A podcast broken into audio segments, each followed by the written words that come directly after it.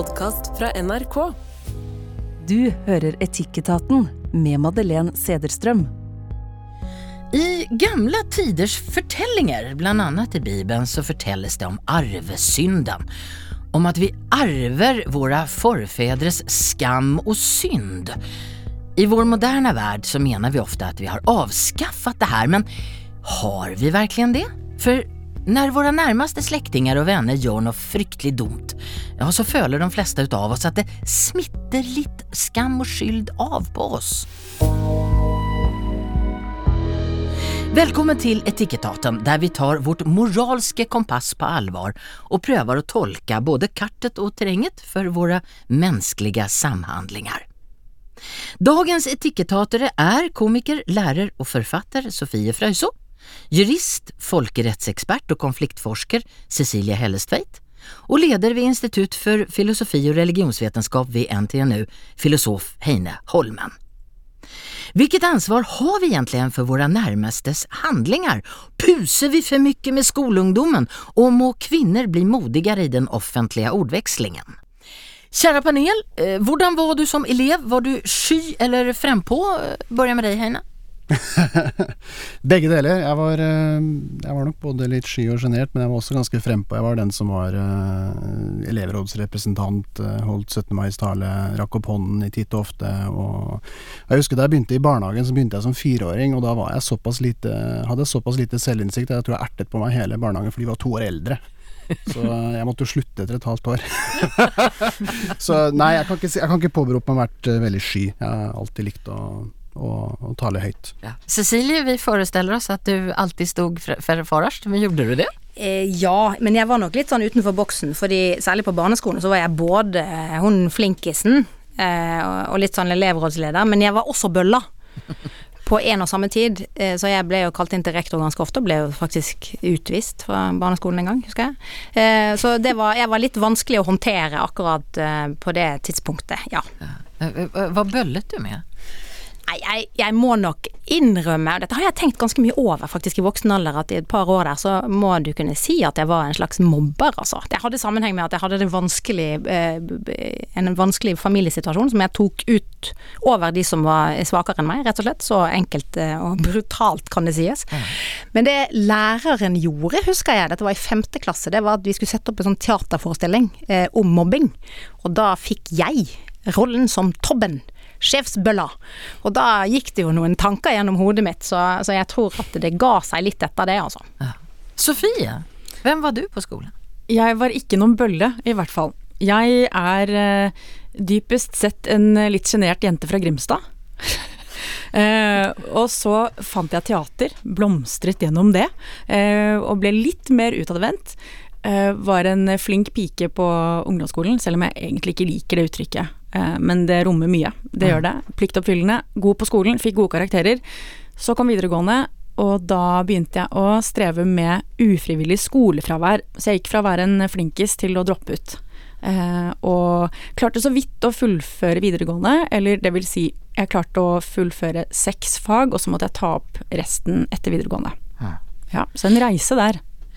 I en artikel på nrk.no så sier professor ved Universitetet i Agder, Åsild Tellefsen Haaland, at for mye tillrättaläggning i skolan kan gi enda mer angst og engstelse. Hun står bak en større undersøkelse som er gjennomført blant lærere i grunnskolen i Kristiansand, der mange av dem mener at tilrettelegging i skolen nå har gått for langt. Elever slipper i stor grad å gjøre ting som de er redde for, som å opp hånden eller ha gym. De kan sitte alene og spise, og hvis de kjenner på angst så kan de slippe å gå ut i friminuttene, forteller professoren, og mener at det her kan virke mot sin hensikt. Ja, kjære panel, puser vi for mye med skoleungdommen? Og jeg vil begynne med deg, Sofie. Mm.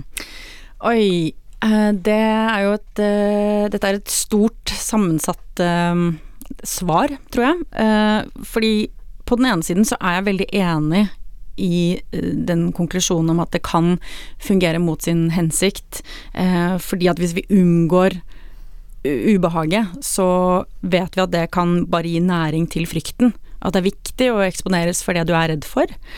samtidig eh, så vet vi jo at eh, det kan være snakk om dårlig tilrettelegging for spesielt de elevene som er sårbare, og som trenger det mest.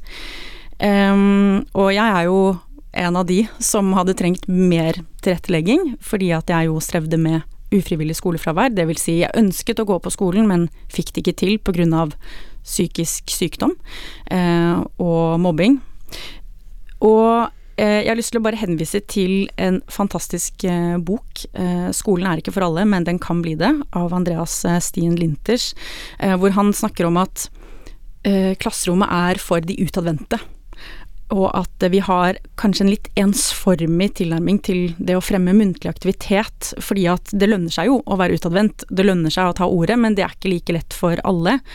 Og at det er mange måter å tilrettelegge for det, for de som ikke eh, elsker å rekke opp hånda, eller elsker å stå foran i klasserommet og holde presentasjon, mm. som jo er særlig vanskelig for barn hvis de opplever å bli mobba. Um, så jeg tror at eh, det er sammensatt, og så tror jeg vi må zoome enda mer ut her og se på hva handler dette om? Hva handler denne eh, utviklingen om? Eh, og jeg tror at det i stor grad handler om det veldig resultatorienterte konkurransesamfunnet som vi lever i.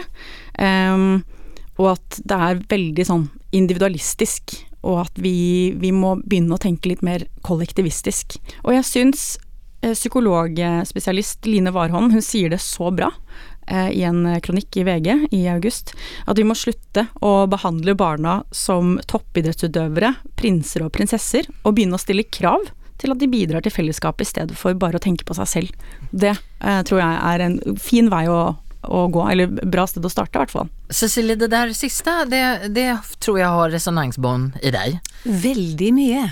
Dette er virkelig musikk i mine ører, for jeg er også Jeg tenker også det at eh, vårt samfunn har på en måte beveget seg for mye i individualistisk retning, og folk lever i den eh, illusjon og vrangforestilling som det jo er, at man klarer seg alene eh, som individ.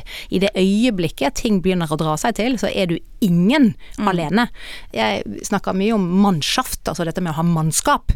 Eh, og én eller to eller tre er ikke nok, du skal ha en gruppe, og der er det ulike oppgaver oppgaver og ulike roller, og alle skal ikke være på en måte like eller på toppen, og ingen skal liksom, Det er ikke nødvendigvis snakk om den som står øverst på pallen, det er mm. snakk om det teamet som er bak, og uten det teamet så står ikke Warholm på pallen. ikke sant? Og det, det er jo noe med på en måte å begynne å tenke mer slik at, at, at, at alle funksjoner og roller har en, en verdi for det fellesskapet. Og jeg tenker at det skal inn i skolen i mye større grad.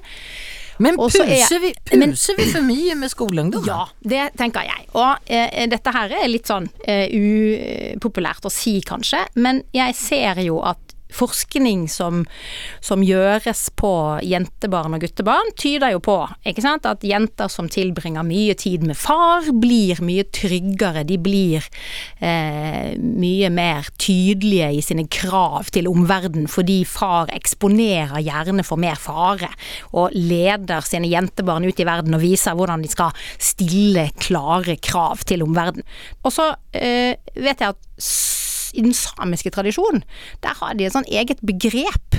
Eh, nå husker jeg ikke helt hva det heter, men, men, det er en type plaging som familien gjør overfor de unge, og særlig jentebarna, hvor de går bevisst inn for å, for Det er ikke mobbing, men det er Roast. Eh, ja, roasting. For å gjøre de mer robuste. Mm. Og det tenker jeg også til dels er skolens oppgave i stort, da. Selv om det er ganske ressurskrevende, så da trenger du, du trenger mye folk.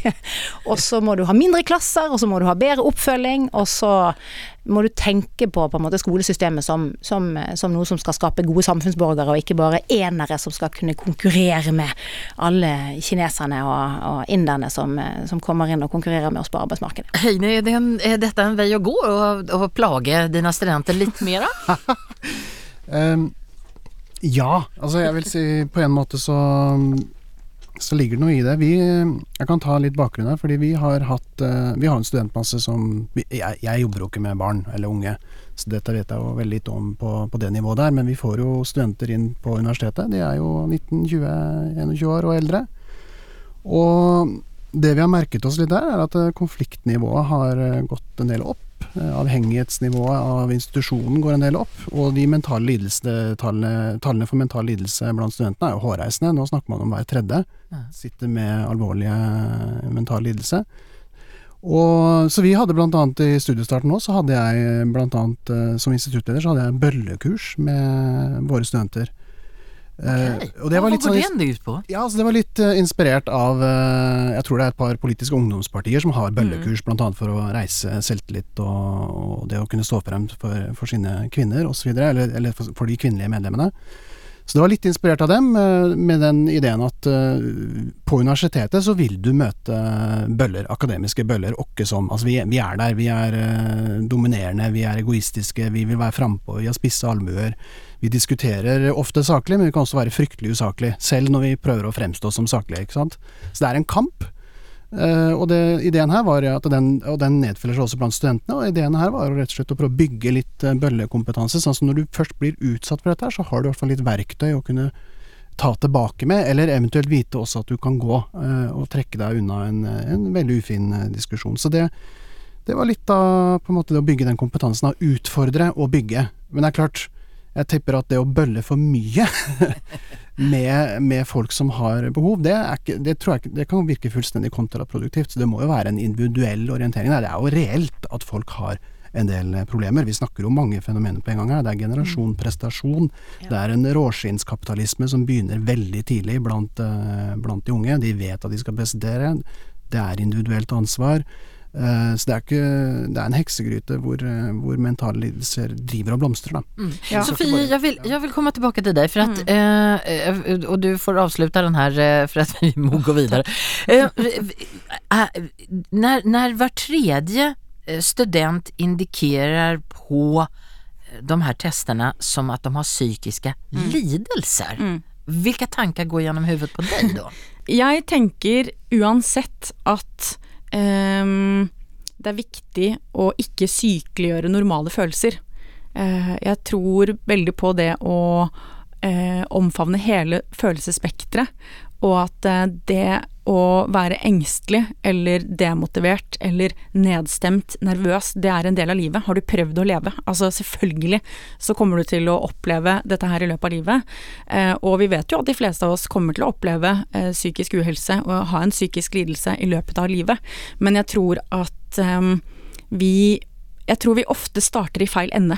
Altså, jeg, jeg syns at vi har en veldig konfliktsky tilnærming til psykisk helse i dette landet. Eh, jeg er jo en sånn som blir booka inn på skoler for å snakke under verdensdagen for psykisk helse, f.eks. Eh, og nå, for å sette det litt på spissen, eh, så ser jeg ofte at jeg syns ja, vi starter i feil ende, hvor det er sånn nå skal vi bare hoppe over det som er vanskelig, og så skal vi lage det koselig. Nå skal vi skrive noen lapper om at du er god nok og ha en fin dag og sånn, og så henger vi det opp i klasserommet. Jeg tror vi må snakke mer om det som er dritt. Vi må snakke mer om vanskelige følelser, eh, og gjøre barn og unge trygge på at det er en del av livet, og det tåler vi. Du lyssnar på Etikettaten, komiker og lærer Sofie Frøyso, konfliktforsker Cecilie Hellestveit og filosof Heine Holmen og jeg heter Madeleine Cederström. Kära panel, eh, sier du i stort sett ja når en journalist ringer og spør om du vil være med på noe? Heine? Det er derfor jeg sitter her. Cecilie? Ja. ja. Sofie? Ja. Ja, jag tror vi har tre ja-sägare med oss. To av dem er kvinnor. Eh, vi skal faktisk gå til forsker og jurist Cecilie Hellestveit. Eh, du har i både kronikk og eh, i foredrag utfordret kvinner til å bli mer modige i samfunnsdebatten. Her er et direkte sitat. Kvinner er mindre modige til å ta konfrontasjoner på en ærlig og redelig måte i åpent lende. Um, ja, kjære panel. Jeg begynner faktisk med deg, Sofie. Så du, Cecilie, du får komme inn på til slutt her. Er kvinner uh, konfliktsky på en annen måte enn menn? um, jeg føler at det er et lurespørsmål. uh, jeg vet ikke om det er det ordet jeg ville ha brukt her. Fordi det handler jo litt om det å ta ordet. Uh, Eh, versus det å få ordet. Og så vet vi jo at eh, hvis kvinner, eller når kvinner uttaler seg, um, så får ikke kvinner noe mer hets enn menn, men vi vet at den hetsen kvinner får, er eh, sexistisk. Mm. Og det vet vi at um, både preger de som uttaler seg i det offentlige ordskiftet, sånne som meg selv, eh, og det preger også de som ikke uh, har uttalt seg, fordi vi vet at uh, flere vegrer seg for å gjøre det nettopp i frykt for å få netthets, da, eller hets. Eh, og det er jo et kjempedemokratisk problem. Så jeg vet ikke om det handler om konfliktskyhet. Jeg tror det handler om her er det masse historie som ligger bak, til, altså som, som, har gjort da, at, eh, at, kvinner i mindre grad enn menn uttaler seg. Mm. Men selvfølgelig, for å få bukt med problemet, så må jo kvinner heve stemmen. Så selvfølgelig, jo flere som gjør det, jo lettere blir det.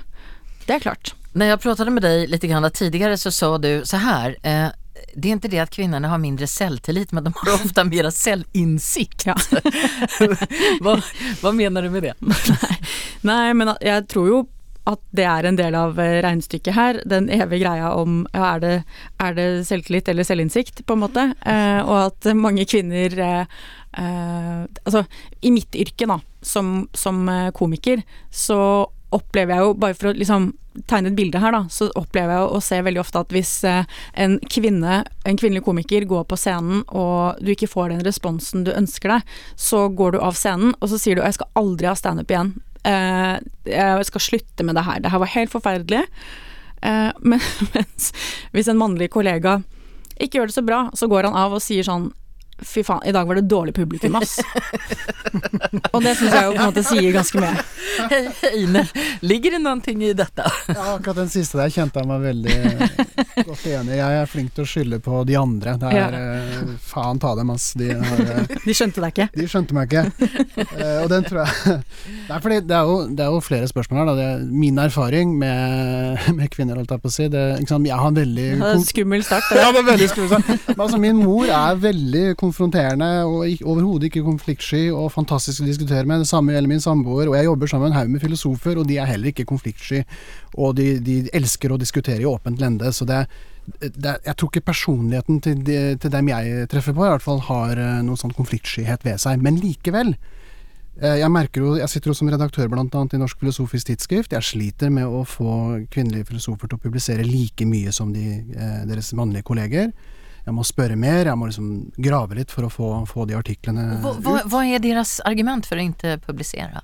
Eh, Noen ganger så kan det være tid, fordi kvinner gjerne blir brukt. I filosofi så er jo kvinner underrepresentert, så de blir jo brukt i masse forskjellige henseender. Så jeg kan godt se den, men samtidig så er det jo litt sånn Jeg får litt sånn følelse at de, mine mannlige kolleger har litt sånn lav risikoforståelse. De hiver seg frempå, om de er eksperter eller ikke, det er ikke så nøye. De hiver seg på, og hvis eh, publikum misforstår, så er det faen ta dem. og, eh, det er dems feil, ikke sant. Og, mens mine kvinnekolleger kanskje tenker at dette er mer dem selv. Mm. Så det er, det er jo en forskjell her. Eh, I hvert fall, men i hvert fall sånn i det store. Ja, för- at att det, det samme eh, eh, erfaring har man ju som journalist. Jag har jo jobbat som journalist nu i snart 40 år. Och det är ju att man eh, ringer runt för att få en någon att uttala sig. Och det är ju inte sällan det är en kvinna som är bäst einet. Ja. Men hon lämnar fort över eh, luren till närmaste man. Jeg, jeg har kolleger som har fått tilbakemeldinger etter at jeg presenterte et foredrag om alt fra språk til bevissthet, eh, og så har de fått tilbakemeldinger fra, eh, fra de som har hørt på, som har beskrevet alt liksom, i detalj, hvordan de var påkledd, og hvordan de fiklet med fingrene. Og jeg har aldri noensinne fått den responsen fra folk. Jeg har snakka foran ganske mye mennesker. da. Mm. De, de beskriver ikke meg og mine klær. De går gjerne inn i det jeg har sagt, men, men det er veldig sjelden jeg får en personlig tilbakemelding. Så det kan være noe i forskjellen på, på respons som gjør at man eh, får disse forskjellene. Ikke sant? Og da koster det jo mer for kvinner når vi vet at det skjer. Da skal du jo både først ta ordet, og så skal du eh, stå i det. At du får usaklig sexistisk hets, ikke sant. Ja. Det hadde vært så digg hvis, eh, hvis jeg fikk DMs eller et kommentarfelt som bare gikk på sak. Ja. Uh, Istedenfor bare på person. Det, det er jo utrolig slitsomt, og veldig sånn kjedelig òg. Ja. ikke sant? Cecilie, er dette en av grunnene til at kvinnene sier nei? Ja, jeg tror eh, Sofie var veldig inne på det når hun snakket om forskjellen mellom å ta ordet og å få ordet. Og jeg tror eh, Jeg baserer jo dette utspillet her på kvinner og måten de opptrer i det offentlige ordskiftet, ikke hvordan kvinner er på privaten. Det er en helt annen saga. Da skravler vi hele tida. Eh? Eh, Men dette handler om å stå for noe, og være tydelig og tørre å ta ordet og, og å holde ordet selv om du får motstand. Og det er klart at den motstanden du får noen ganger er av en litt annen karakter, men den truer ikke livet ditt, og den truer ikke egentlig posisjonen din, den truer selvfølelsen din. Og den selvfølelsen hos kvinner er, tror jeg, fra biologiens side. Dette her har jeg opplevd i alle kulturer jeg har bodd og, og virket, at der er det noe felles hos kvinner. At vi er mer forsiktige, fordi biologien gjør at vi er mer avhengige av å være akseptert i samfunnet. Når du har Jeg fikk barn selv, da ble jeg sjokkert over hvor avhengig jeg plutselig var av barnas far, og sågar barnas fars familie, og min egen familie. Plutselig så var jeg avhengig av samfunnet rundt meg på en helt annen måte enn det jeg noen gang hadde forestilt meg. Og så kjenner jeg igjen at det der ligger jo egentlig i min biologiske natur, og gjør at jeg er mer forsiktig enn menn, tror jeg. Sant? Og, og jeg måtte NRK var veldig god med meg når jeg startet som ung forsker, og jeg ble virkelig tatt i hånden og leid inn, og jeg fikk ordet gang på gang på gang, til jeg skjønte at det er ikke farlig for meg å ta ordet. Og da tar kvinner ordet. Så du må på en måte Du må hjelpe jentene eh, på en litt annen måte frem, og så må du noen ganger holde igjen de eh, ivrigste gutta. Sant? Altså det, det er en sånn eh, forskjell her som jeg synes å se over det hele. Og mm. vi vi syns det er veldig vanskelig å ta i dette med at ah, er noen biologiske forskjeller her, og, hva, hvor det, og i tillegg når det gjelder hvordan du eh, opptrer som en utdannet person. Og, og jeg, Men har kvinnene et ansvar her, eh, Cecilie, for å ta mera ordet? jeg mener det. Nå, altså jeg personlig, jeg har en veldig lang utdannelse. Jeg har en dobbel utdannelse pluss en doktorgrad, som har blitt påkostet av norske skattebetalere. Og da er det min fordømte plikt å svare når eh, jeg får forespørsler om tema som jeg vet at jeg er godt kvalifisert til å svare på for å bidra til et offentlig ordskifte. Jeg anser at jeg har blitt investert i av fellesskapet for at jeg skal gi tilbake igjen til fellesskapet. Og det anser jeg at også andre, andre i min situasjon bør tenke slik, og jentene kanskje særlig.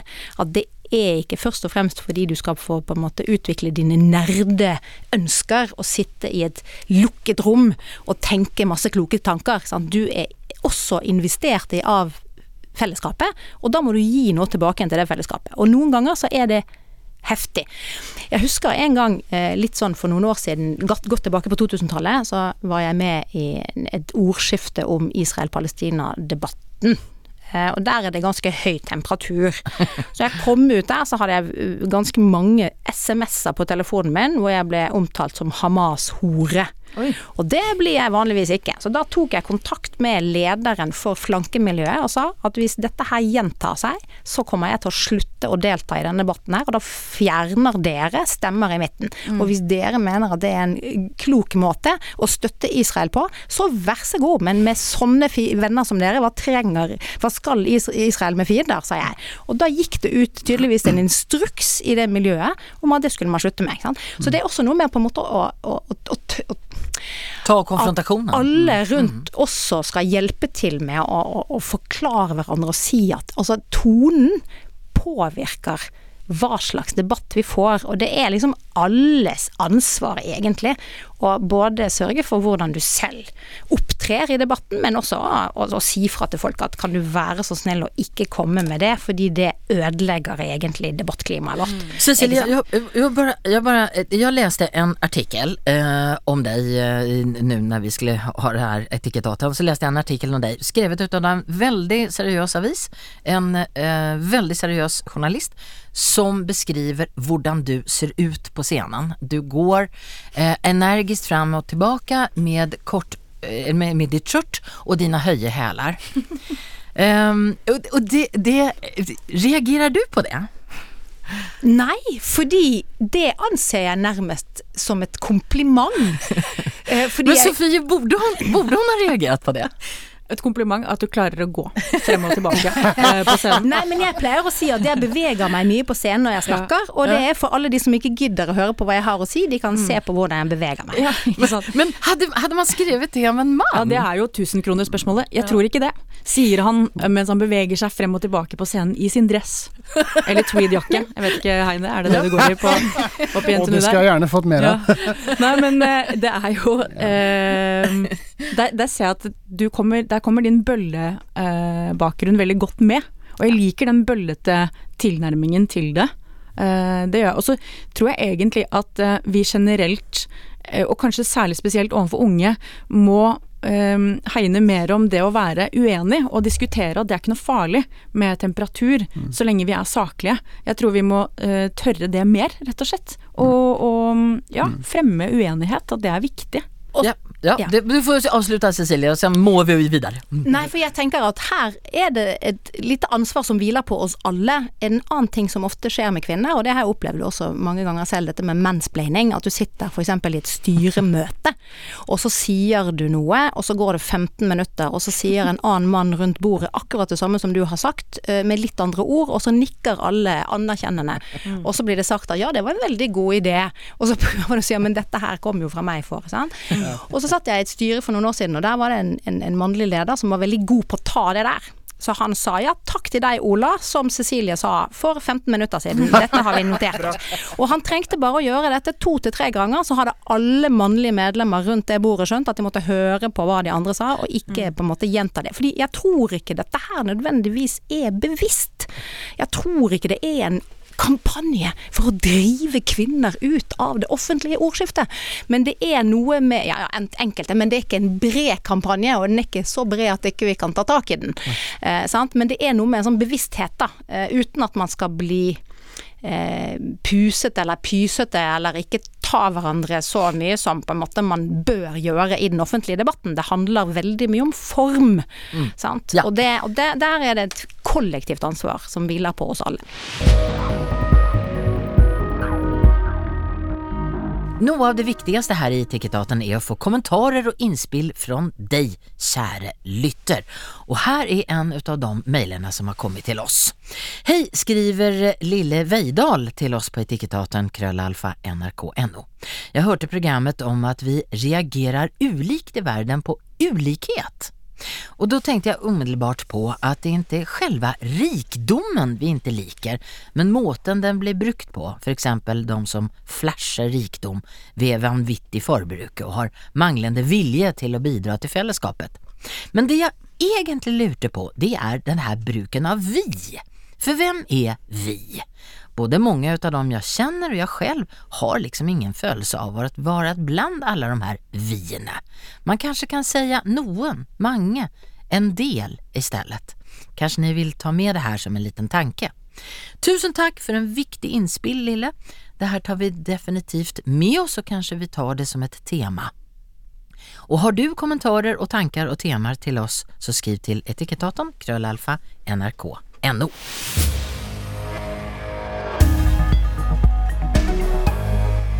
Du lyssnar på Etikettaten, komiker, lärare Sofie Fröjso, eh, konfliktforsker Cecilie Hellstveit och filosof Heina Holmen. Jag heter Madeleine Cederström.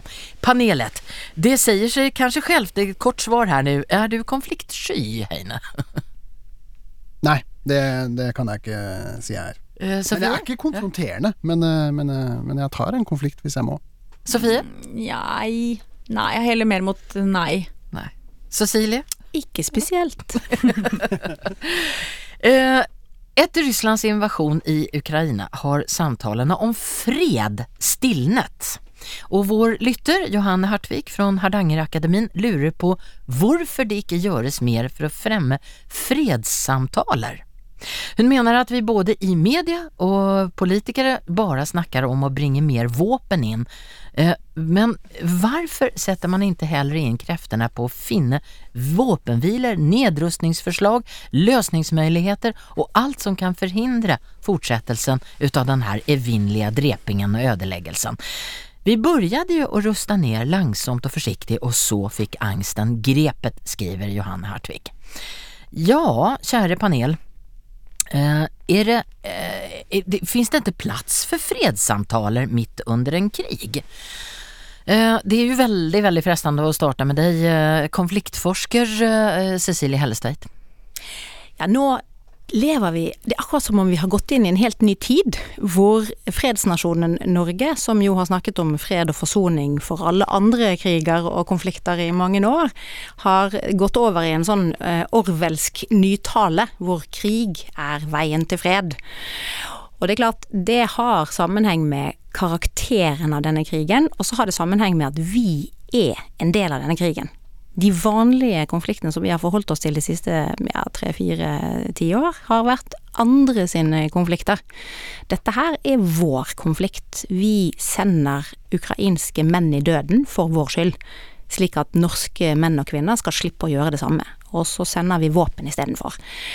Og det gjør at vi ikke kan snakke om fred og forsoning på den måten vi pleier, fordi vi er investert i denne konflikten på en annen måte som samfunn. Og det er klart, det er, det er litt vanskelig, men, men jeg tror det er det som er hovedforklaringen. Og grunnen til at det er så lite tale om både våpenhvile, eh, forhandlinger av noe som helst slag og en mulig eh, fred i fremtiden, er at per i dag så er det å snakke om det eh, nesten som et svik mot de som hver dag eh, pakker sekken og drar til fronten med livet som innsats for å, for å på en måte kjempe på.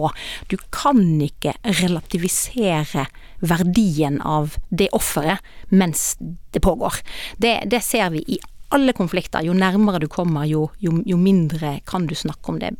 Men det betyr ikke at ikke det foregår ting bak lukkede dører som forbereder eh, seg på at denne krigen skal over i en ny fase, men det offentlige rom tåler ikke, eller tillater ikke, at vi snakker om fred og forsoning nå. Er ikke det veldig rart at vi ikke kan prate om om fred, alltså, det, det, borde ju vara nå vi pratar om fred.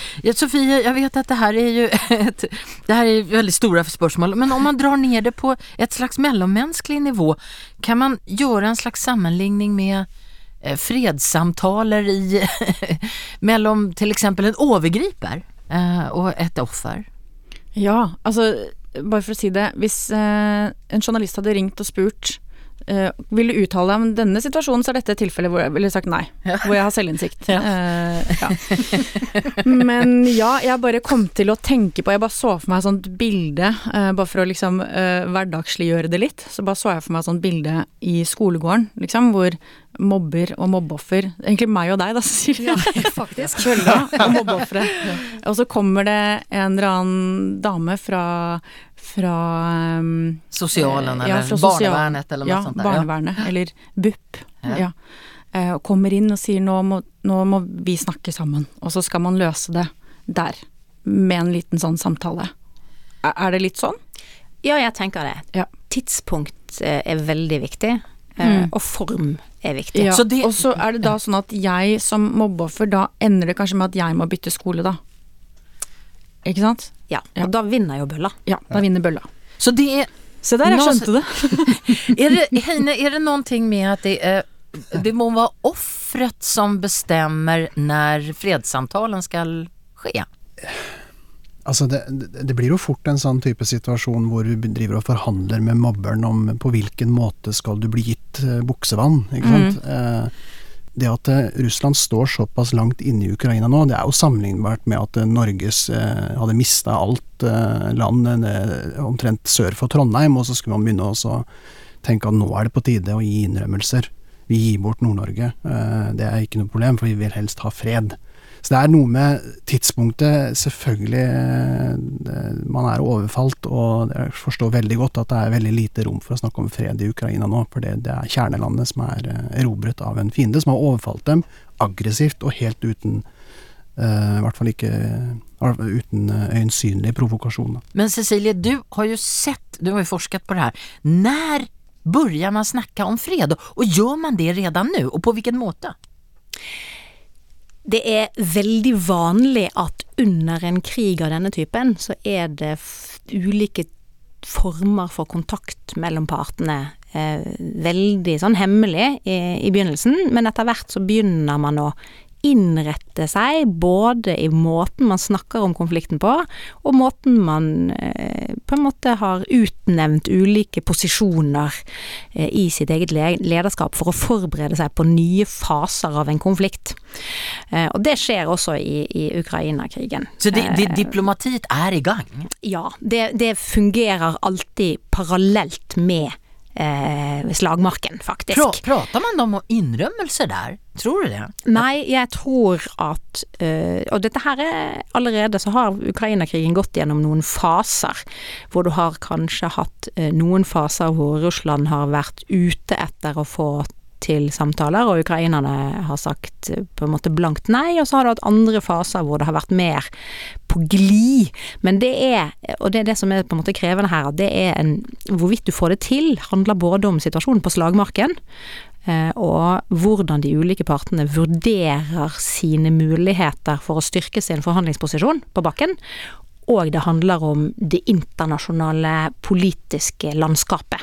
Og hvordan man ser at det snur seg til egen for fordel, eller, eller til fordel for, for motstanderen. Og Det er jo grunnen til at dette sanksjonsregimet som vi har, og alle disse andre virkemidlene som foregår utenfor selve slagmarken, er veldig tett knyttet opp til det som skjer på bakken. Fordi det er liksom kombinasjonen av de to tingene som skal gjøre at vi klarer å presse aggressoren Russland tilbake igjen til noe som gir oss en presedens i denne aggresjonskrigen som Europa kan leve med.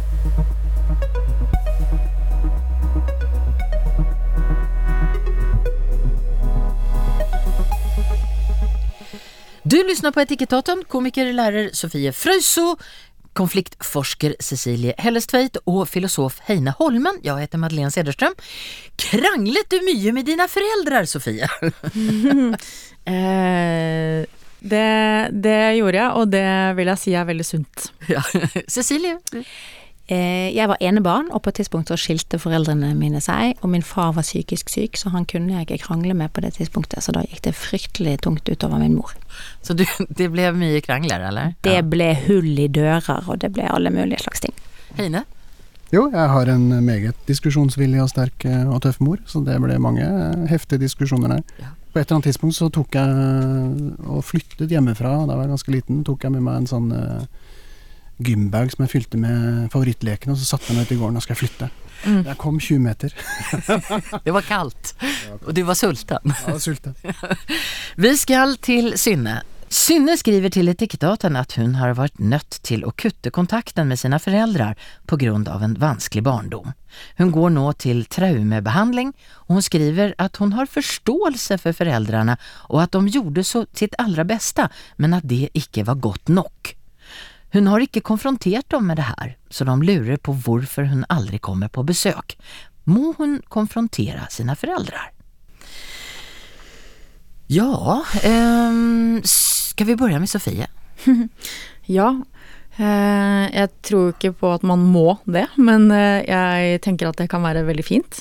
Eh, jeg har eh, skrevet en bok med min mor, hvor eh, vi var nødt til å ta en del vanskelige, men helt nødvendige samtaler om hvordan vi har opplevd ting naturligvis helt ulikt. Eh, Og mamma har sagt det så mange ganger til meg at ja, jeg hadde jo regi over din barndom, og at hun har tatt seg selv i å korrigere meg hvis jeg har sagt ja, sånn var det jo, så kan hun si nei, men sånn var det jo ikke, Sofie. Jo, men jeg opplevde det sånn, ja. Eh, Så, og vi er jo to, to eh, generasjoner eh, sørlendinger som, som eh, Du spurte i stad er du konfliktsky, og jeg sa nei, jeg er jo egentlig er jo egentlig det, eh, Ja. sånn i bunn.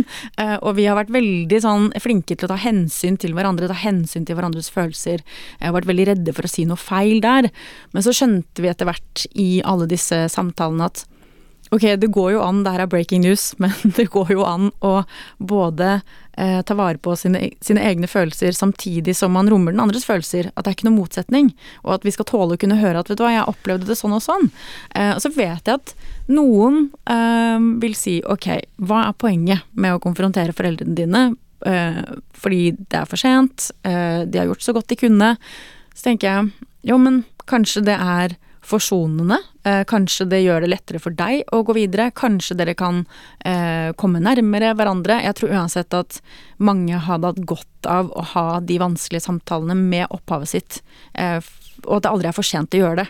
Så jeg syns at Synne skal gjøre det. Hun må det ikke, men jeg tror at eh, det kan komme noe godt ut av det. Mm. Cecilie, tog du den, de samtalen med eh, dine foreldre?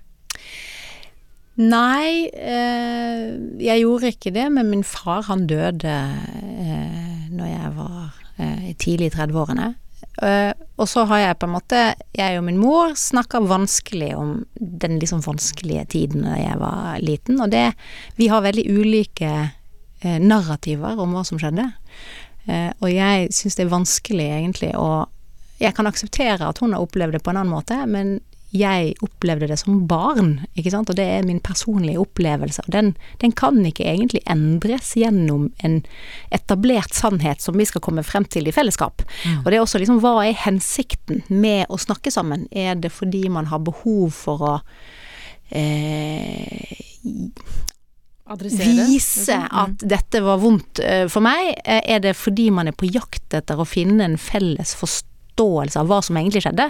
For det tror jeg er vanskelig, og det ser man også i sånne forsoningsprosesser, i, i fredsprosesser. Handler, forsoning handler ikke egentlig om å finne den ene sannheten, fordi det finnes ikke én sannhet i den type eh, konfliktfylte menneskelige eh, eller samfunnsmessige forhold. Det finnes mange sannheter, og den forsoningen den skal på en måte klare å ramme Den skal romme alle sannhetene på en måte. Sant? Og det, og det å forsone seg med det, tenker jeg igjen handler om hvor i livet man er, og hva man tror at det kan oppnå av godt. Mm. Så noen ganger tenker jeg nok at denne type ting kan legges i bero hvis man klarer å leve godt med det, og hvis ikke så bør man ta tak i det. Men, mm. men det er veldig individuelt, tenker jeg da. Så jeg, mm. jeg, er litt sånn tilbakeholden med å gi, gi et råd her. Det kommer mm. litt an på hvordan man tror denne prosessen kommer til å gå. Altså må det vel ikke være et mål å bli enige heller. Nettopp det å kunne romme flere følelser og flere narrativer, og at det kan være noe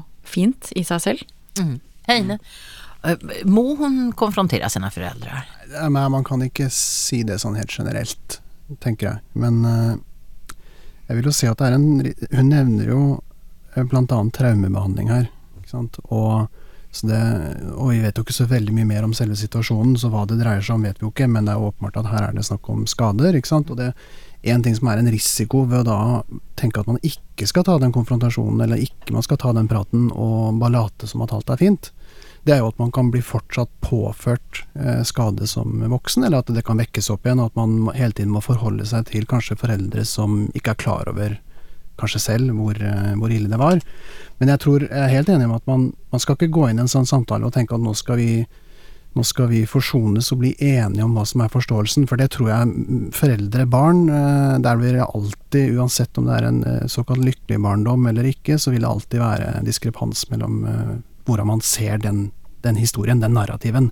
Så jeg tror ikke man skal sette seg ned og tenke at her skal vi, her skal vi komme til bunns og, og, virkelig dele forståelse og virkelighet. Men man, man bør uh, vurdere å si ifra, i hvert fall. Hvis ikke så risikerer man at dette her bare fortsetter mm. i ettertid. Eller at man kanskje tar ansvar for å glatte over situasjonen selv, ikke sant, som barn. Det er veldig mange barn som, som tar med, veldig mye ansvar for foreldrene sine med å glatte over og ta hensyn til dem mm. i, i, den fortsatte interaksjonen som, som, vil være der. Med mindre man kutter selvfølgelig all eh, kontakt, da. Men eh, så lenge kontakten er der, så risikerer man hele tiden som et skadelidende barn, holdt jeg på å si, selv om man er voksen, å ta det ansvaret på vegne av foreldrene, og dermed på en måte fortsette å stå litt i situasjonen. Så jeg, jeg syns det høres ut som en, en, situasjon der som man bør i hvert fall ta en prat. Om ikke en konfrontasjon, så i hvert fall kanskje en prat. da. Mm. Sofie, kjenner du igjen det her litt, som Heine snakker om, det her med å ta ansvar for og, og, ja, og glatte over. Mm. Ja, jeg kan eh, kjenne igjen det. At det er veldig eh, lett å bare si ja, men For det, det, det, bare for å ta meg selv som eksempel igjen, og, og de samtalene jeg har hatt med min mor, så har det vært veldig sånn uh, Uff, ja, jeg burde ikke gjort det. Nei, nei, men jeg skjønner jo at du måtte det. Ja, men uff. Og så blir det veldig mye uffing. Det er for øvrig liksom Jeg tror det er det mest brukte ordet på Sørlandet. nei, uff. Til alt, egentlig. Uh, så det har vært veldig sånn ja, at, um, at uh, jeg tar mamma i forsvar, men at hun også sa men du trenger jo ikke det. Altså, du går an å si at det syns du var vanskelig. For eksempel så flytta jeg mye da jeg var liten. Jeg gikk på fire forskjellige barneskoler. Eh, og det har mamma hatt mye dårlig samvittighet for. Og så har jeg sagt nei, men uff, jeg skjønner at du måtte det. Eh, men så har hun sagt men du trenger ikke å si det. Du kan si at det var tøft for deg, og det tåler jeg å høre. Eh, så Men din mamma kanskje er litt sådär speciell, alltså hon, dels har hon blivit van genom dina samtal att hon ska ta det ansvaret men det är inte, det är kanske en nybörjarting för ganska många föräldrar. Så att de kommer i den där förs- försvaret, i Ja. försvarsposition. Ja men jag hade ingen val. Eh, hur, hur gör man då Heina? Ja. Nei, altså hun her eh, snakker jo også om eh, at hun tar avstand fra foreldrene og trenger tid selv. Og, og, det kan jo være et, eh, et godt behov for å bygge seg opp igjen, da, ikke sant. Så det kan på en måte være en slags forsvar Mm. i en sånn type situasjon for å, å, å gi seg selv tid til å, til å bygge seg opp igjen. Og det tenker jeg det har man rett til som individ. Å ta, du, du, skylder ikke foreldrene dine masse eh, der, så det, det, det er noe du bør gi deg selv rom til. Og, men det, da bør det jo kanskje sies fra, da, så det ikke det blir tolket som at du bare er uh, uvennlig. Så det, jeg tenker at det bør være avklart, men, eh, men det å kunne forsvare seg i en sånn type situasjon og ta vare på seg selv, det, det bør man absolutt eh, gi seg selv rom for. Cecilie, du skal få sista ord her. Det, og jeg tenkte jeg skulle fråga deg. ditt intresse for konfliktforskning, kan det, kan det ligge i, i dine egne opplevelser som barn og ungdom? Det er ikke den historien jeg vanligvis forteller meg selv. Men det kan jo hende. Eh, Jeg tror det var noen sånne voldsomme opplevelser i barndommen og litt seinere som egentlig brakte meg inn i, i krigen. Eh, Men det er klart, eh, jeg opplever nok kanskje at barndommen har vært for meg en god ballast inn i det, fordi når du har opplevd noen kriser på, på egen hånd også i de nære relasjoner, og har kommet deg gjennom det, eh, med, med liv og helse og syke i behold, så er du etter mitt skjønn da, bedre rustet både til å møte en hardere virkelighet, og så er du også utstyrt med noen instrumenter som gjør at du tåler det og takler det. Det er selvfølgelig helt tilfeldig at vi eh, tar opp dette temat nå i etikettaten, nemlig hvor stort ansvar bør, eh, skal, må du som individ ta for dina nærmestes handlinger? Kan vi starte litt med den her grunnleggende filosofien her, Heine? Altså, jeg, jeg har jo gått mer og mer mot det individualistiske. Eh, sånn at i dag så tenker vi kanskje, eller jeg tenker at det er individuelle handlinger som du står for, og det, jeg kan ikke bli eh, på en måte påført skyld av mine familiemedlemmers handlinger. Hvis eh, ja, gud forby, altså min, min bror eh, gjennomfører et drap, så er ikke det min handling, ikke sant. Men du sitter likevel på de moralske følelsene. Just det. Det, det gjør det. Den pinligheten vi har snakka om nå nettopp, f.eks., er noe at du tar det til deg. Men det, det er et spørsmål om hva det betyr. Det kan være rest fra en gammel tid hvor vi hadde disse moralske kodeksene, og vi fortsatt sitter igjen med følelsesapparatet. Eller så kan det være at noen av disse følelsene faktisk går på deg indirekte ved at det berammer din bedømmelse. Som f.eks. i, en, i et helt tilfeldig tilfelle med en samboer, da, ikke sant, eller partner. For den partneren har jo du valgt. Precis. Da- da det jo dårlig omdømme. Da har du, viser du kanskje dårlig omdømme, dårlig karakter uh, gjennom de valgene, eller gjennom å fortsatt stå i de valgene, f.eks. Cecilie, du eh, som er folkerettsekspert, uh, fins det tilfeller i, uh, i rättssystemet der man tar skylden og ansvaret for noen annens handlinger? Nei, altså i utgangspunktet så er jo vårt eh, strafferettssystem i moderne tid handler nettopp om den individualiserte straffen. Eh, og den skal på en måte gjelde likt for alle borgerne.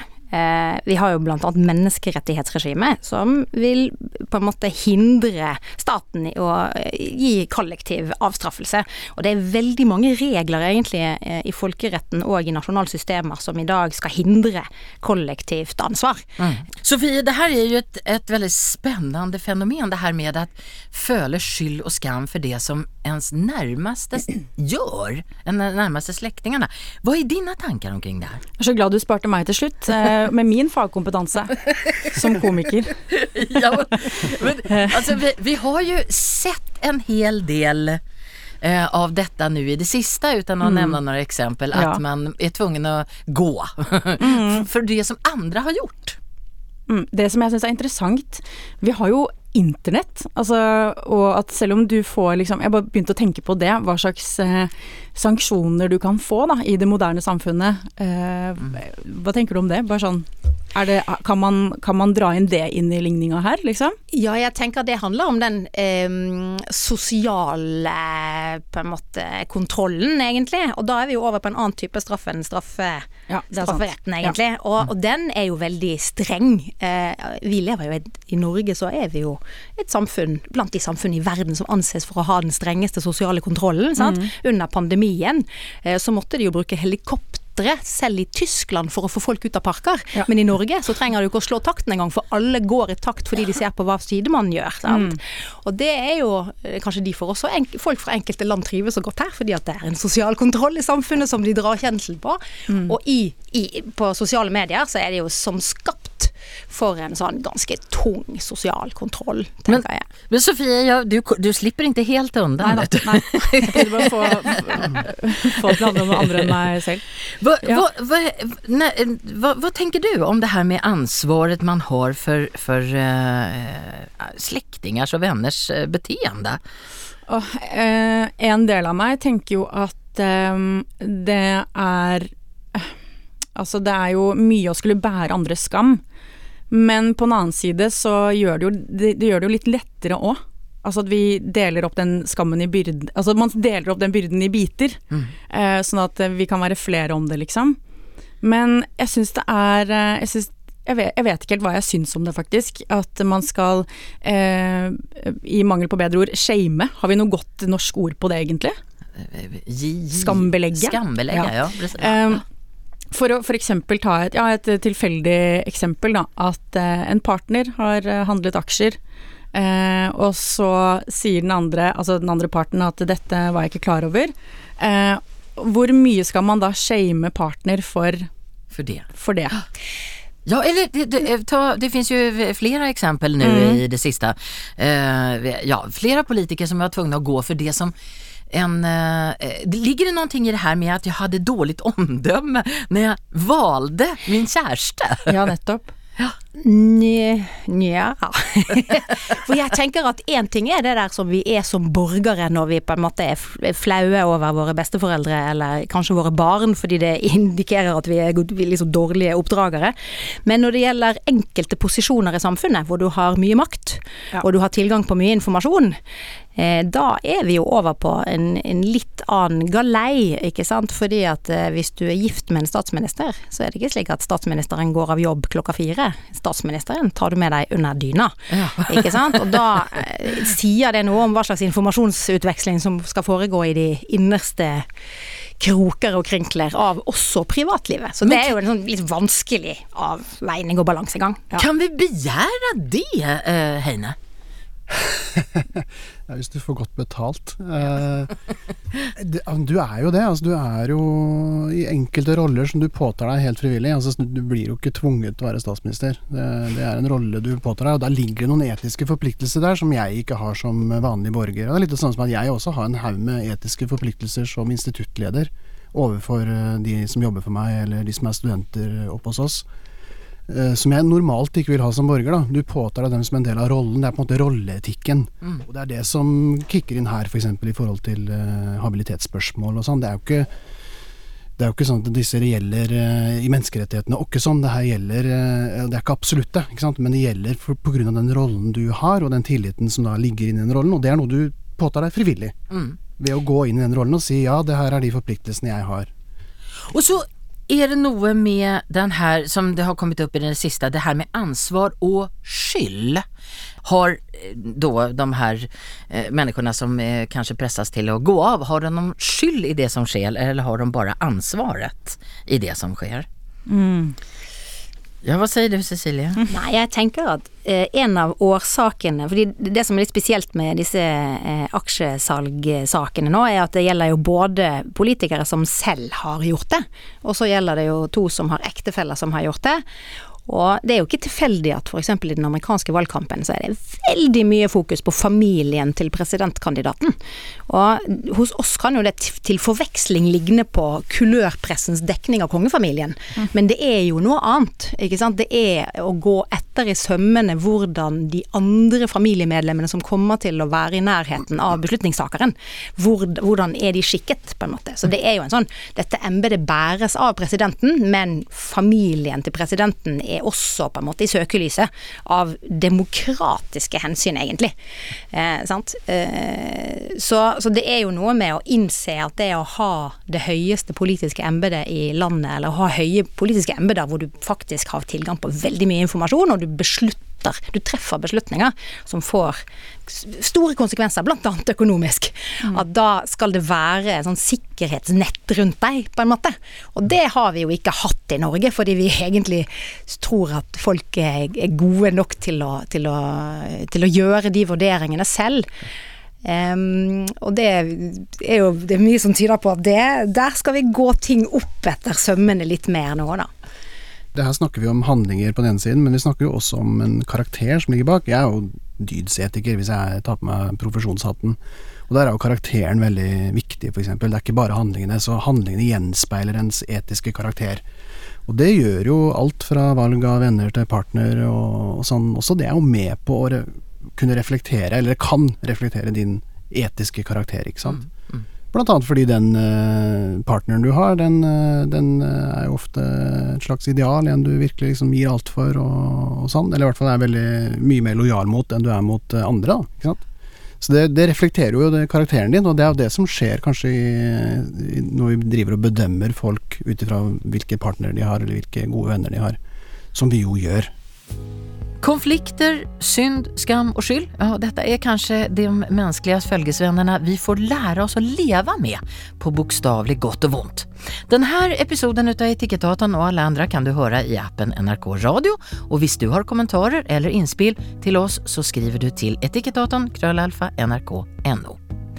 Dagens etiketatare har varit komiker, lärare och författare Sofie Fröjso Jurist, folkerettsekspert og konfliktforsker Cecilie Hellestveit, leder ved Institutt for filosofi og religionsvetenskap ved NTNU, filosof Heine Holmen. Og de som gjør Etikettaten heter Hege Strømsnes, Hanne Nästrämon og jeg heter Madeleine Cederström. Du har hørt en podcast fra NRK. Hør alle episodene kun i appen NRK Radio.